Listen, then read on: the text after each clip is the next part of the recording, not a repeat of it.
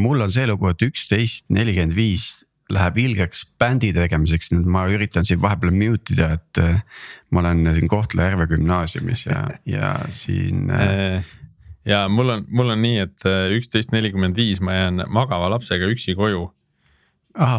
jah, nii ja. et, et kui ta ei maga, siis ta läheb minema, kui ta magab, siis ta jääb koju nii et kui ta siis pärast peaks ärkama, siis on, siis ma võib-olla lasen poole pealt jalga. jah, tuleb siis episoodiga minema panna. jah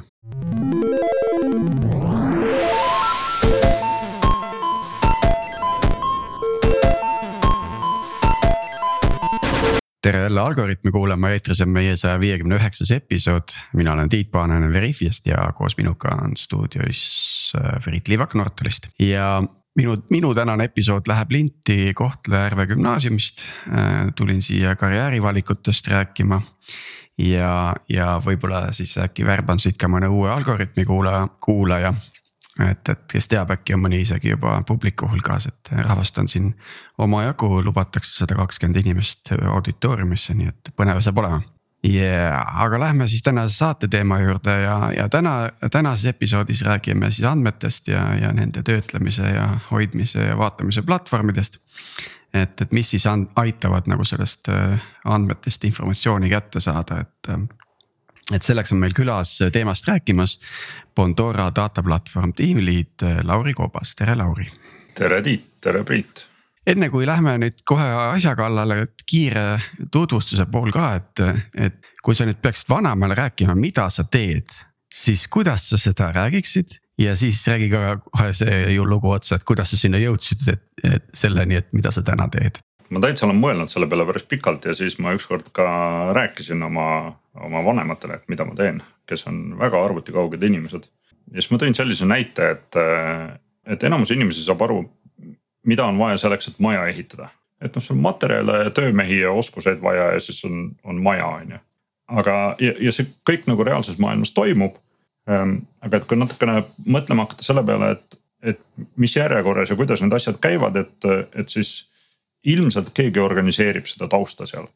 et kui sul noh, on nagu vundamendi auk kaevatud ja siis sul jõuab kohale vann ja elektrik, et, et noh, siis justkui nagu need vajalikud komponendid on olemas, aga, aga mitte päris õigel ajal või, või, või, või sul tuuakse, kui sa tahad nii-öelda diivanit omale, et siis sul tuuakse nagu palk ja, ja lehmu kohale, on ju, et. et noh, et, et justkui nagu komponendid on olemas, aga mitte päris õiges vormis, et, et sellest saaks nagu puitkarkassiga nahkdiivani ehitada. et, et andmemaailmas on samamoodi, et, et sul on justkui andmed ja siis sa tahad sealt mingit väärtust saada. aga, aga noh, et keegi peab selle, selle asjaga tegelema, et need asjad õigel ajal, õigel kujul õigesse kohta jooksid ja, ja et samal ajal oleksid seal siis inimesed, kes, kes sellega midagi peale oska, oskavad hakata. see diivani näide mulle hästi meeldib mitte, mitte just, just sellepärast, et noh, et seda diivanit võib ka ju mitut moodi teha. Ja igaüks või meist võib diivani teha, aga kas me sellist diivanit endale koju tahaksime nagu ka? See on iseküsimus, eks ole. No mu vanemad siis nagu noogutasid selle peale, ei ole, ei ole rohkem seda teemat tõstatanud aga ahah, okei. Okay.. et kas said aru või mõtlesid, et täitsa hull, üldse ei saa aru, kõik, ma parem ei küsi rohkem. jah, ja seal, sinna jääb alati see õhku see küsimus, oota, aga mida siis sina siis seal teed et äh, ma saan aru, et korraldad siis, et õiges järjekorras asjad äh, õiges konfis äh, töötaks ja üles saaksid, et vist nagu ikka tiimliidi ülesanne, et palju, palju sul tiimis rahvast on? Äh, no praegu on kaks rahvast ja palkame kahte juurde, et võib-olla hiljem jõuan ka sellesse, et, et mis järjekorras ja kuidas seda on mõistlik teha, et, et kuhu mm. ma olen oma mõtlemisega välja jõudnud. jah mm -hmm., just ja, ja sa oled andmemaailmas nagu, nagu toimetanud, et, et miks just see, mitte mingisugune, ma ei tea, niisama programmeerimine või, või hoopis midagi kolmandat? Äh, hästi lühidalt taustas, et taustast, et äh, ma arvutit nägin esmakordselt kuskil kaheksakümnendate keskel. siis oli selline Eesti arvuti nagu Krista, mis käis teleka külge, mis oli Mac ja millega sai mängida. aga nagu päris äh, asja tegemine algas Nõost üheksakümne esimesel aastal. ja siis sujuvalt liikus Hansapanka ja Swedbanka kuueks aastaks ja siis pärast seda ma olen veel veebi teinud kuus aastat ühes ettevõttes, mille algne nimi oli Saurused ja kui mina ära läksin, siis, siis oli Wonderkraut. ja, ja siis ma olen vahepeal suutnud ka psühholoogiat õppida ja, ja läbi suure iseõppimise siis, kui need online kursused algasid, jõudnud data science maailma. ja, ja, ja sealt, sealt ma siis otsapidi jõudsin Skype'i, mu nii-öelda roll ja tööülesanne oli tuli ülevalt poolt, et onud olid käinud konverentsil ja saanud aru, et data science is, is good, we need a guy. Siis mina olin see guy. Ja siis, siis, et sealt, sealt läheb asi nagu olulisemaks selle, selle story jaoks, et, et ma siis jõudsin sinna ja siis öeldi, et noh, et meil on siin mingid andmed, et tee midagi, et kasulikum oleks. Siis ma möllasin kuus kuud ja siis ehitasin nagu äh, business case'i ja, ja siis öeldi, et cool, et sellest tundub kasu olevat, et tehtagu see oli hästi Skype'ilik eh, lähenemine küll, et, et we have a problem, wait, ah, there is a guy. Let, let have him have the problem for a while ja, ja, ja lahendus oli kohe olemas, eks ju, et selline suur autonoomia ja teiselt poolt nagu vabadus ka toimetada ja siis ma jõudsin nagu sinna järgmise küsimuseni, et okei okay,, et, et mul on nüüd mudel on nagu minu arvutis, et kuidas sellest saab production mudel ja selle keegi ei saanud isegi aru sellest, mida ma küsin. ja, ja see oli see, kuidas ma siis lõpuks jõudsin data engineering'u juurde. see, see mudel iseenesest lõpetas päris huvitaval kujul, et, et meil oli mudel, mis treenis sisuliselt otsustuspuud R-keeles mis on sisuliselt äh, nagu suur hulk if lauseid, mis annavad numbri tulemuseks sinna. ja siis me tõlkisime selle iga öö automaatselt SQL keelde ja siis kirjutasime andmebaasi baasi funktsioonina. et noh, olenevalt päevast oli see nihuke kolm kuni viis miljonit märki pikk, aga, aga andmebaas nagu sai ära ja andis meile prediction'i vastuseks ja toimis et, et tagasi vaadates oli nagu tore, et, et me tegelikult rakendasime äh, seda ennustust äh, nii andmetele lähedal kui võimalik et me ei saatnud, me ei saatnud seda infot kuskile API-sse ja ei oodanud vastust sealt ja mis iganes, me lihtsalt rakendasime baasi funktsiooni ja. et kui on piisavalt võimas baas, siis, siis toimib nii ka. päris huvitav avenemine, ma mõtlen korra peatuksin, et, et ähm, kas see oli nagu mis oli see põhjus, miks te just niipidi seda tegite? üks suur põhjustest oli see, et äh, esiteks me ei osanud teistmoodi. ja, ja siis, kui me järjest proovisime erinevaid äh, viise, et okei okay,, et, et installeeriks mingi Pythoni asja kuskile, kas andmebaasi või kuskile kohta, millele siis production saab ligi oma andmetega minna pärima. et siis ei olnud nagu õiguseid seda teha et ainus asi, mille, millele me suutsime nagu õigused äh, saada, oli see, et me saime baasiprotseduure luua ja noh, siis, siis me lahendasime selle seal ära. ja, jah, et, et töötad teatud piirangute, piirangutest lähtuvalt, eks ju, väga huvitav jah, ei no pakuti ka, et ehita mingit C-Sharpi mingit programmi ja siis reliisi seda kuidagi ja siis, siis kui ma rääkisin inimestele, et kuidas see nagu reliisi protsess käib ja siis öeldi, et noh, et seal on komiteed ja võtab mõned kuud aega, et siis mm. -hmm ma ei olnud C-Sharpi ka kirjutanud sel hetkel, et siis ei, ei tundunud nagu äh, hea viis läheneda. Äh, ja siis ma sisuliselt jõudsingi data engineering'u maailma, et, et okei okay,, et, et see data science'i analüüs on tore küll, aga et, et kuidas siis nagu mõelda sellest, et, et need andmed sinna jõuavad. ja oleks mõistlikul viisil kasutatavad ja, ja ma läksin seda äh, Starship'i tegema. tegin seal neli ja pool aastat ja ja nüüd äh, teen sisuliselt äh, sama asja Bondoras, et küll tiimliidi rollis, aga jah. Kalle on head tööd teinud siin tiimi, tiimi kokku kuhjanud ja. nii on. tore, aga nüüd lähmegi Bondora juurde, et, et äh, vaataks kõigepealt natukene helikopteri pealt, et.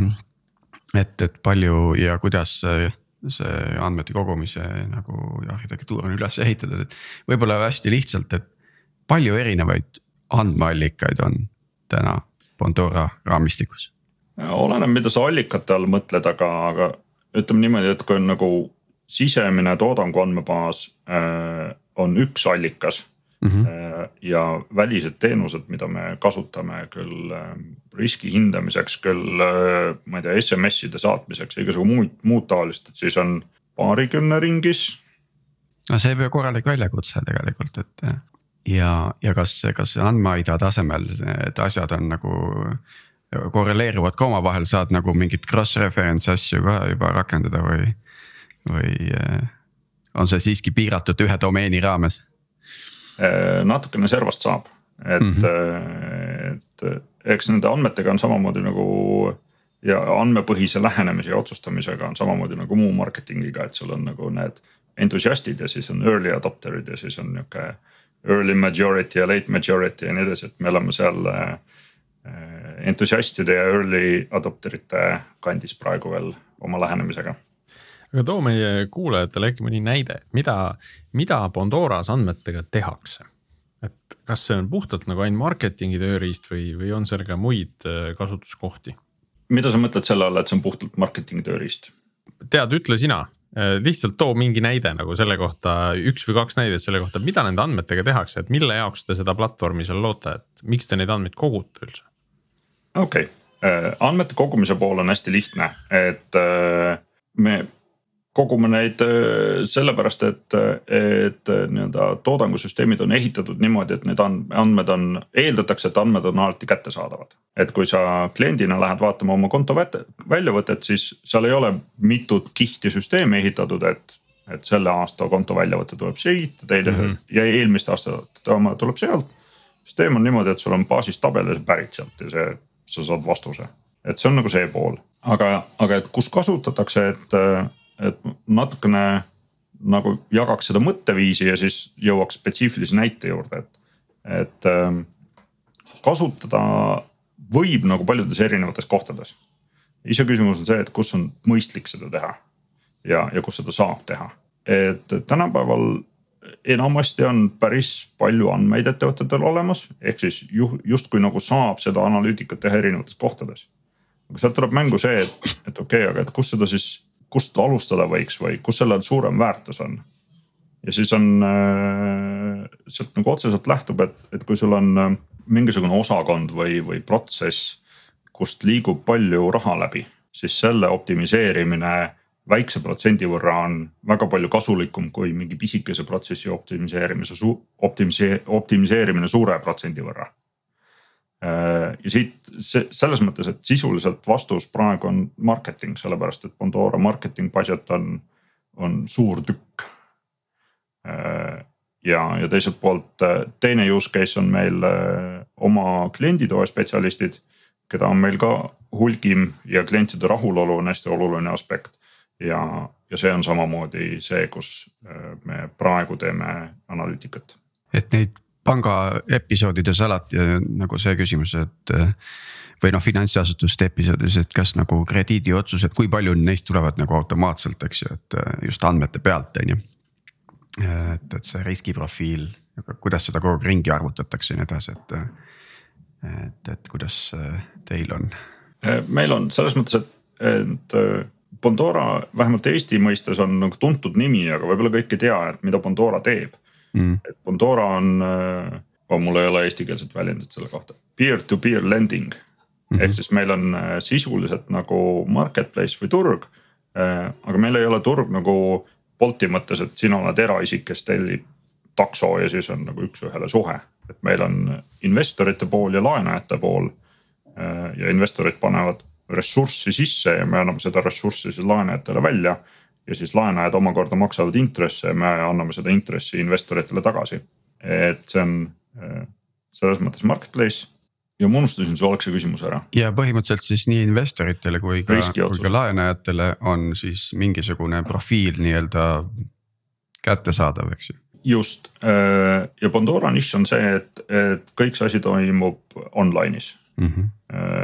Et sa ei pea kuskile kohale minema, sa ei pea otseselt midagi füüsiliselt tõestama hakkama. Äh, millest järeldub see, et me peame tegema need riskiotsused äh, selle info põhjal, mida inimene meile jagab. ehk siis see, see kõik sisuliselt on andmepõhine lähenemine ja. me kindlasti lähme nagu nagu nende platvormide analüüsis selle arhitektuuri juurde lähemalt, aga võib-olla alustaks selle, sellest, et. et palju on sellist struktureeritud versus ähm, Äh, nagu mittestruktureeritud andmeid, et kuidas see äh, ütleme, andmete kvaliteet äh, kvaliteedi võtmest nagu välja paistab, et kuidas see arhitektuur on nagu üles ehitatud täna? see arhitektuur täna Pandoras on üles ehitatud vastavalt sellele, mida toodangusüsteemil vaja on. mis ei ole alati päris see, mis oleks analüütika jaoks mõistlik. et see on ühelt poolt arusaadav, sellepärast et vajadus oli selline ja teiselt poolt ega väga palju sellist nagu mõtteviisi ei, ei ole nagu levinud, et, et kuidas seda teha, et, et noh, et ma toon ühe näite ühe, ühest teisest ettevõttest. justkui kõik oli hästi, aga, aga, aga lõppkokkuvõttes nagu ei toiminud, et öeldi, et okei okay,, et paneme nüüd tooted mingisse promo kategooriasse. siis tehti süsteem, et saab teha promo kategooria ja panna tooted promo kategooriasse kliendid ostsid tooteid ja siis kaks nädalat hiljem nii-öelda lõpetati kampaania ära ja. ja tekkis siis äh, toote poole inimestel küsimus, et, et kas sellest oli kasu. ja, ja siis selgus, et me ei saa sellele vastata, sellepärast et ei salvestatud seda, et, et millises kategoorias see toode oli. et noh, iseenesest see toodangusüsteem nagu kogu aeg toimis õigesti et, et keegi nagu otseselt mingit viga ei teinud, on ju, aga, aga see, et, et okei okay,, et meil, meil on mingid analüütilised küsimused, millele me tahame pärast vastata, et, et see on natukene nagu selline lisa mindset sealjuures. Mm.. kuule, aga ma kohe puurin siin, et toodangusüsteemi back-up ides siis tampe ei saanud kätte, et äh, sealt võrrelda või?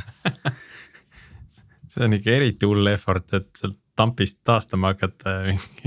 No ma ei tea, no kui on vaja teada, no issand jumal teoorias võimalik, aga, aga minu arust me lõpuks lahendasime selle niimoodi, et, et need lisaandmed salvestati nii-öelda täiendati siis toodangusüsteemi ja siis tehti uuesti kampaania, et mm. -hmm. see oli noh, seda oli nagu niikuinii vaja teha.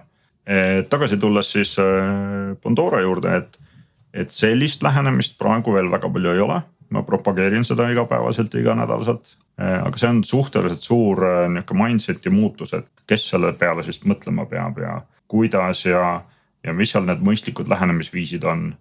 ja, ja, ja muud taolist. et kas see tähendab siis seda, et, et sa tegelikult oled kaasas igasuguste äh, arenduskoosolekutel või toote, nii-öelda tootekoosolekutel, kus räägitakse nagu uutest featuuridest, et sa saaksid selle Äh, data mindset'i sinna, sinna alati nagu kaasa panna ja, ja kaasa mõelda selles valguses? suund on sinnapoole jah, et ma praegu äh, olen, olen osa äh,, olen osa sellest jah, et me kasutame seda mission framework'i, mis äh, Pipedrive'is populariseeriti. et äh, pannakse kokku missioon ja siis tulevad arendajad ja tooteinimesed on seal ja siis minnakse tegema äh,. ja, ja kuhu ma olen praeguseks jõudnud selle viie kuuga, mis ma olen siin olnud on, on see, et ma olen osa sellest ja siis äh, ma küsin seal nagu väga suunavaid küsimusi, et äh, okei okay,, et aga kuidas me teada saame, et see, mida sa teed, tegelikult nagu mõjutas seda, mida sa tahtsid mõjutada. Äh, et noh, et kas see, kas see tegevus on atributeeritav sellele uuele funktsionaalsusele? Ja teiselt poolt, et, et kas need andmed, mida te kogute sinna microservice'isse, et kui kaua neid alles peaks hoidma? Või et kuidas need saaks andmelattu et kas teil on tabelitel juures äh, see, et millal seda kirjat viimati uuendati ja, ja nagu muid taolisi aspekte. sellised äh, basic asjad, eks ole. Äh, aga räägime, räägime siis tehnoloogiast ka, et kui sa seda andmeladu juba mainisid, et mille peale see ehitatud on või missugune see andmeladu seal taustal on, mille pealt seda analüüsi tehakse? me kasutame sellist tarkvara nagu Databricks, mis, mida toodab ettevõttega nime, ettevõtte nimega Databricks ja lihtsalt taustaks, et turul on sisuliselt nagu kaks suurt pakkujat, Databricks ja Snowflake. mis mõlemad said alguse sellest, et nad üritasid seda data engineering'u poolt ära lahendada. veel neli aastat tagasi näiteks, kui ma alustasin Databricksiga, siis neil oli ainult, praktiliselt ainult data engineering'u pool. nüüd on sinna juurde tekkinud. Bunch of ETL engineers nagu hakkasid nagu oma probleeme ära lahendama mingis mõttes. jah aga noh, see algas nagu väga basic asjadest, et need tükid justkui eksisteerisid kõik, et sa saad teha notebook'e, sa saad teha workflow sid ja sa saad autoriseerida, on ju. aga need ettevõtted siis äh, panid kokku selle, et, et nad haldavad selle poole seal taustalt ära, et kuidas sa saad, kuidas sa tekitad SSO single sign-on'i autoriseerimise. ma ei tea, mingi Azure Active Directory või Google'iga, et üldse ligipääs anda sinna, kuidas käib koos töötamine nendes platvormides, kuidas see on ühendatud Giti repodega ja, ja kuidas sa saad jagada õiguseid oma mingile visual, visualisatsioonile. et seda teistega jagada ja, ja kuidas sa saad nii-öelda schedule ida. ajastada. ajastada jah, neid asju paralleelselt käima või järjest käima, et, analüüsi puhul, et sul tulevad toorandmed sisse ja sa ehitad sinna mingeid vahekihte vahele ja siis sa lõpuks tahad, ma ei tea, koos saata raporti meili peale on ju, et kuidas need asjad üksteise järel käivad. et noh, kõik need tükid eksisteerisid ja need ettevõtted on need, mis nagu paketeerisid need kokku ja tegid selle töötamise nagu mugavaks. et eh, nagu mina aru olen saanud, et, et noh, Snowflake ja Databricks tunduvad nagu väga tugevad konkurendid, aga nad ikkagi eh, teevad asju natukene teistmoodi, et nende, nende nagu fookus on erinev. et mul on jäänud, eh, noh, ma olen aru saanud, et Snowflake on nagu rohkem sihuke andmelaonduse eh, platvorm, kuivõrd siis nagu Databricks on selline andme. noh, ma ei tea, ai või masinõppepõhine andmeanalüüs ja sihuke predictive analüüs just sellise data lake'i põhjal mm. -hmm. olen, olen ma õigesti hästi aru saanud? kui sa veel mõned laused räägid, siis ma ilmselt suudan nagu pinpoint ida need, need promoallikad, mida sa oled lugenud Bastard Priit kust mujalt info tuleb no?? ei no ongi noh. jah, äh, taust on see, et, äh, et Snowflake pigem omab, omab vähem viise seda conf'i da. et Databricksis sa saad rohkem asju ise conf'i da, aga teiselt poolt see tähendab, et sa pead rohkem asju ise conf'ima okei okay,, see on väga hea hint tegelikult jah. et see, et see learning curve on nagu või õpikõver siis on selle Snowflake'i puhul nagu väiksem, et sa saad kiiresti pihta hakata asjadega. jah, et, et noh, et kui sa lähed cluster'it tegema, siis sa ütled, et create cluster ja start. aga mm -hmm. noh, Databricksi puhul sa pead natukene rohkem neid asju tegema. aga seal seda nihukest analüütika või ai või, või neid erinevusi nagu väga palju ei ole et ma tooks siia sisse sellise, selle termini, mida Tiit vist enne mainis ka, et andmeplatvorm, et mis on vahet andmelaol ja andmeplatvormil. et andmeladu äh, nagu ajalooliselt ongi see koht, et, et nende või noh, et nagu andmelao funktsionaalsus lõpeb selle koha peal ära, et andmed on olemas ja loodetavasti ka kättesaadavad. Need on hästi struktureeritud, annoteeritud, liigendatud, cross reference itavad ja nii edasi on ju. jah et andmetega on hästi ja andmeplatvormi mina enda jaoks mõtestan sellisel viisil, et, et nendel inimestel on ka hästi, kes andmetega töötavad. et ma siis nii-öelda laiendan seda definitsiooni sellega, et, et need, et noh, et andmed on hästi, et andmed on olemas ja nendega on hästi. aga et, et kuidas neid siis nagu hästi ka kätte saab, kuida-, millised on need tööriistad, millega seda analüüsi teha kuidas, kuidas mõelda reprodutseeritavast analüüsist, kuidas teha visualisatsioone, kuidas neid äh, jagada, kõik see scheduling ehk, ajastamine seal ümber. et need tööriistad oleksid mõistlikud inimeste jaoks ja, ja see lähtub sellest, et, et meil võib olla küll nagu kasutatav toode, aga kui seda reaalselt ei kasutata, et siis, siis nagu väga palju point'i ei ole. ma keriks korra siinkohal praegu natukene algusesse tagasi ja lihtsalt ka kuulaja perspektiivist, et, et võib-olla sa, Lauri, natukene oma nagu kogemusest lähtuvalt nagu neid evolutsioonilisi etappe nagu lahkad, et kui ma mõtlen, noh, ma olen, ma olen, ütleme mingisuguses rollis ettevõttes, kus kuidagi inimesed vaatavad minu poole, kui räägitakse andmetest, on ju. ja noh, ma teen, täna teen nagu production baasist otsepäringuid, on ju, eks ju, siis ma saan aru, et et see SQL hakkab minema päris keeruliseks, ma ei tohi production baas'i äh, nagu üle koormata, on ju, halval hetkel, eks ju. teen endale replika, on ju, äh, ja, ja saan, panen selle sünkrooni, eks ju, ja run in seal oma asju ja, ja nüüd siis tuleb kuskile hakkab tekkima mingi hunnik JSON-it, mida on vaja nagu, mida on päris palju, eks ju, mida on vaja siis äh, kiiresti kuidagi äh, läbi analüüsida ja, ja võib-olla ma lähen vaatan, võtan mingisuguse Apache Sparki või mingi asja, et ei, kirjutan sinna Sparki ja, ja kuidagi äh, arvutan selle asja läbi ja, ja saan andmed kätte, on ju. ja, ja nii ja hakkab järjest nagu neid asju neid sinna peale tulema, et mis hetkel on nagu mõtet see Databricks nagu võtta sinna vahele. et mitte ennast nagu nurka maalida nagu selle käsitööga, eks ju. see on väga hea küsimus, ma tegelikult äh, kirjutasin viis artiklit LinkedIn'i äh, selle suve ja sügise jooksul, äh, mis arutavad sedasama teemat nagu, äh, nagu detailsemalt lahti. aga sisuliselt see ongi keeruline. või noh, et muidu see oleks nagu ära lahendatud, aga see, see mõtteviis on seal see, et, et, et sa teed seda mingisugusel põhjusel on ju, et sul on vaja mingit asja analüüsida. ja see ja kui sa võtad analüütiku ja ütled, et andmed on seal, ükskõik kuidas nad need kätte saavad, siis see analüüs võtab ütleme kaks nädalat aega, et neist andmetest, need andmed kätte saada, neist aru saada. Äh, see, see JSON lahti parsida, äh, siduda mingite teiste andmetega ja, ja nii edasi. et kui sa loodetavasti see nagu õnnestub ja siis sa vaatad, et oh, et sellest on nagu palju kasu, et kuule, et võtame veel analüütikuid tööle, et noh, et saame rohkem kasu. et see kuskile maale toimib, aga seal on väga suur aga, et, et ka kõigi järgnevate analüütikute jaoks iga uus probleem võtab kaks nädalat aega. et noh, et see, sa ei saa nagu üheksa naisega ei saa kuu ajaga lasta, on ju. et noh, et kui sa võtad kakskümmend analüütikut tööle, siis ja esitad neile küsimuse, siis sa ei saa poole päevaga vastuse, sa saad ikkagi kakskümmend erinevat vastust, aga need kõik võtavad kaks nädalat aega. et see nii-öelda andmeladu ja andmeplatvorm äh, on äh, minu arvates ainus viis, kuidas seda protsessi kiirendada. et tuua need andmed keskselt kokku, struktureerida ja anda tööriistad inimestele, et sellega toimetada. Aga kõige selle juurutamisel on omamoodi jälle kulu või hind on küljes, eks ole et noh, kui me toome ka selle, sellesama paralleeli, et, et äh, analüütikul ühe probleemi lahendamine võtab kaks nädalat aega.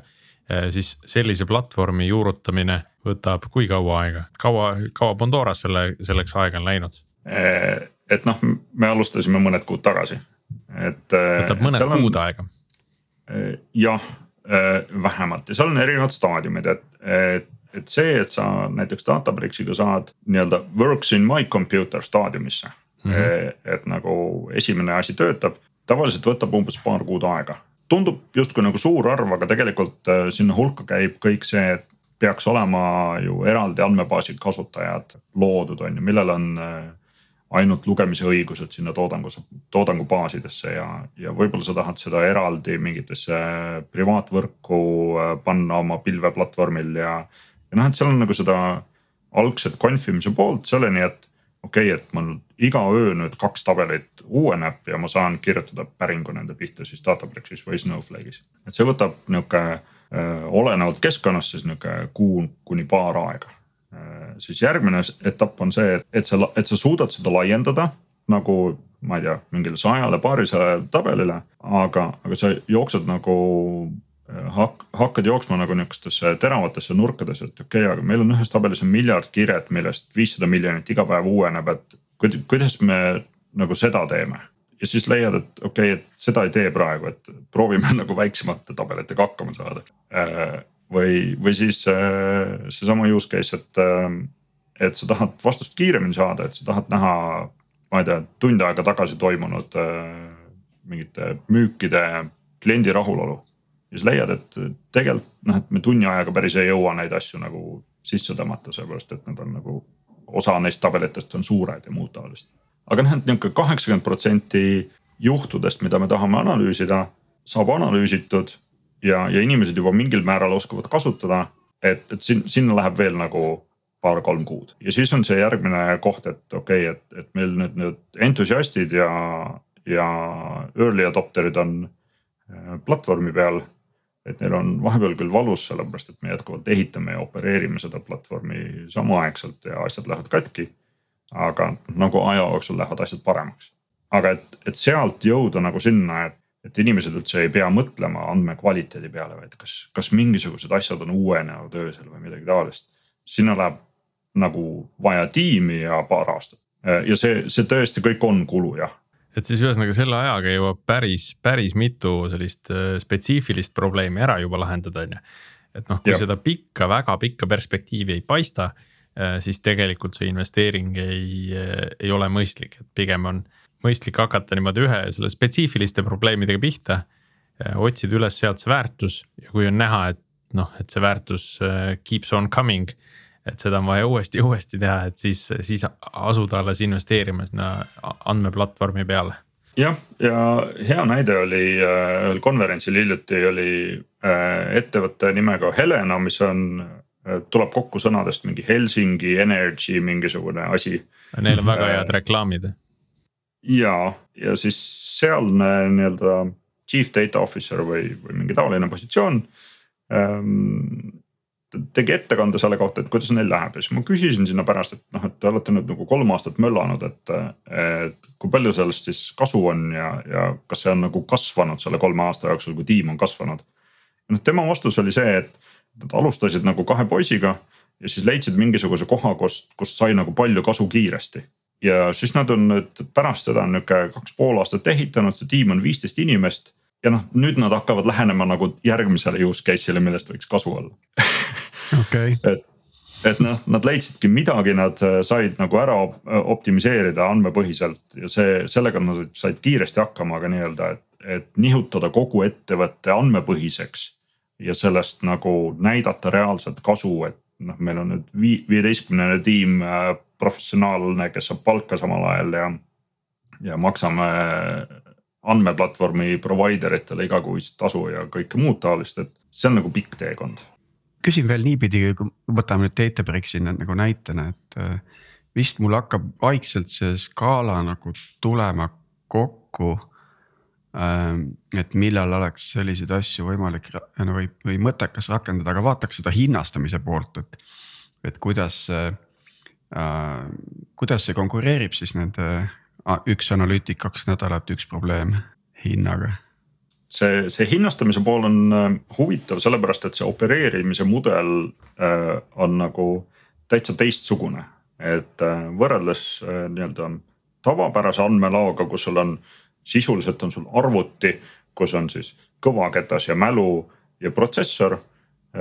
ja et kui sa tahad sinna siis nagu noh, ühe terabaidi asemel kümme terabaiti andmeid panna, siis sul on vaja nagu suurem arvuti osta. et see Databricksi ja Snowflake'i võidukäik ja osaliselt on ka teised äh, taolised lahendused äh, sama asja kasutusele võtnud, on see, et. et nii-öelda need on eraldi asjad, et kõvaketas on eraldi sellest protsessorist ja mälust. andmeid hoiad oma, oma pilvekeskkonnas suhteliselt odavalt ja siis, kui sul on vaja arvutada, siis, äh, siis alles võetakse see arvuti see võtab nihuke kaks kuni viis minutit aega, kuni see kätte saadakse. Databricks siis provisioneerib selle arvuti seal AWS-is. just täpselt mm. -hmm. ja, ja siis, kui see arvutamine ära lõpeb, siis, siis pannakse kinni ja siis sa rohkem ei maksa selle eest mm. -hmm.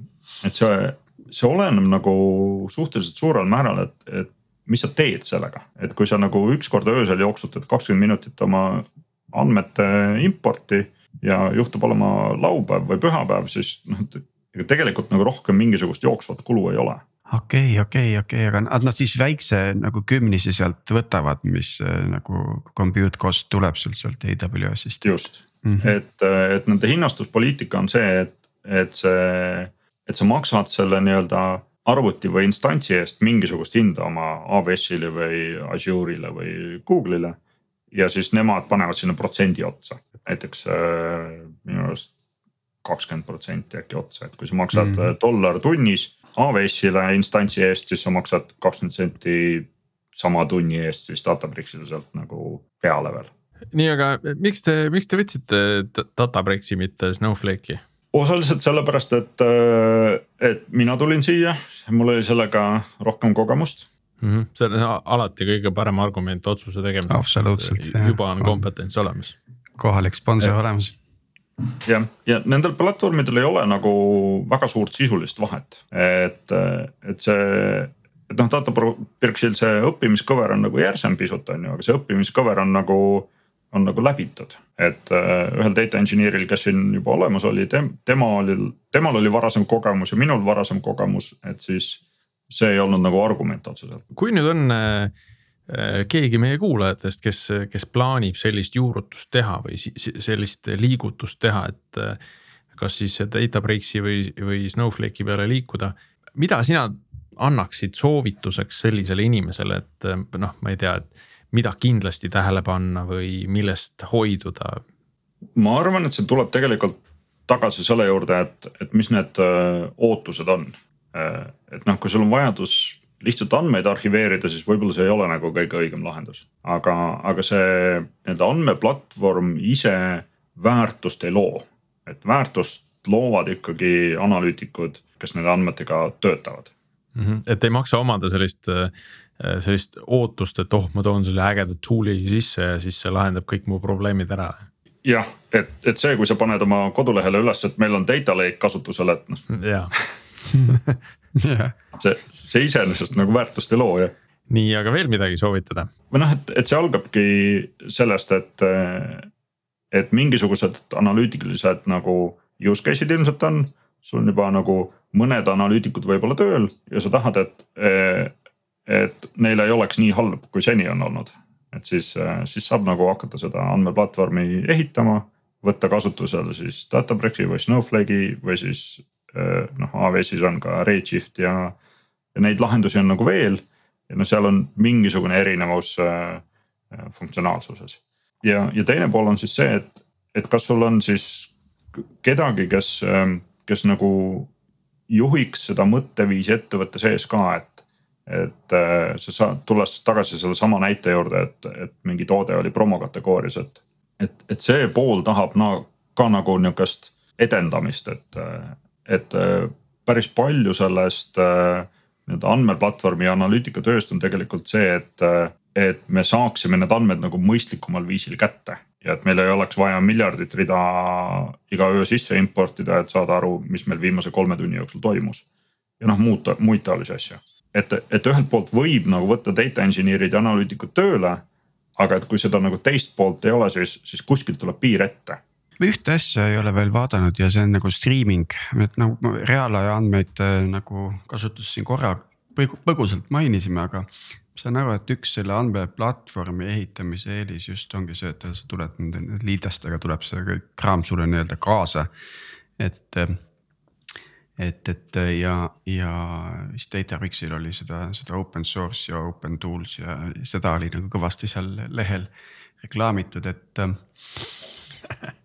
Lauri muigab jälle, ta üritab jälle arvata, et mida sa lugenud oled. jah, eks ma lugesin. ei, ei selles mõttes, et, et jutt jumala õige olen proovinud ka mm.. panin streaming viisil nelja tabelit importima, väiksed tabelid olid mm. -hmm. vaatasin, äh, noh toimis, andmed ilmusid, nädal hiljem vaatasin arvet. kurat, midagi toimub taustal okay., et üks asi oli see, et, äh, et noh, et sa pead siis neid nii-öelda arvuteid või instantse töös hoidma kogu aeg yeah.. et see on üks pool, see on arusaadav aga teine pool oli, siis see, et, et kuna see arvuti ei salvesta seda infot mitte oma kettale, vaid salvestab sinna võrku. siis, äh, siis selle nelja väikse tabeli importimine iga viie sekundi tagant realiseerus umbes kahekümne viieks miljoniks äh, päringuks sinna storage layer'i või, või nagu salvestuskihi vastu.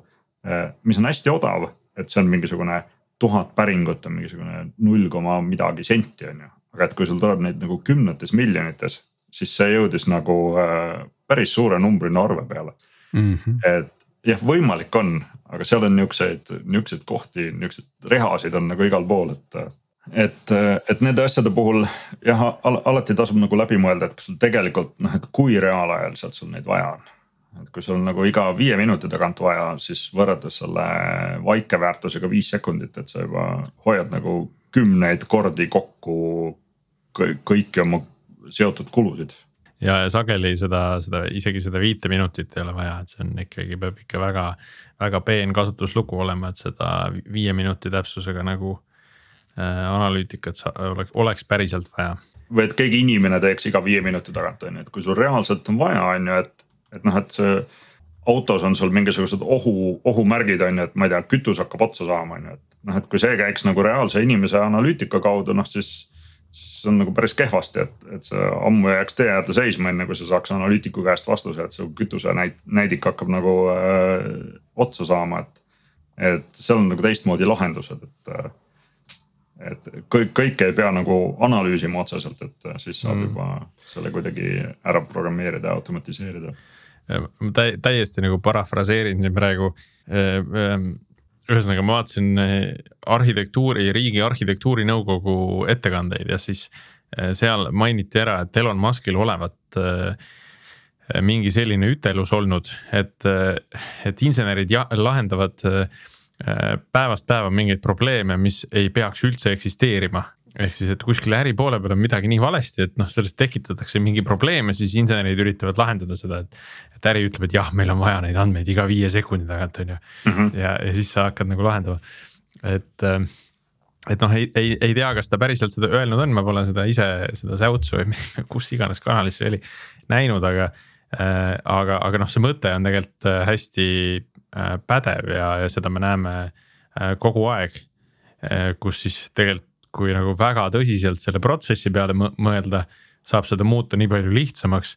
Et see probleem lihtsalt kaob ära ja, ja kõikide elu on parem, on ju et inim-, inimesel kipub olema meie nagu loomuses asju keerulisemaks ajada nagu kogu aeg nagu mingeid tingimusi juurde kirjutada ja.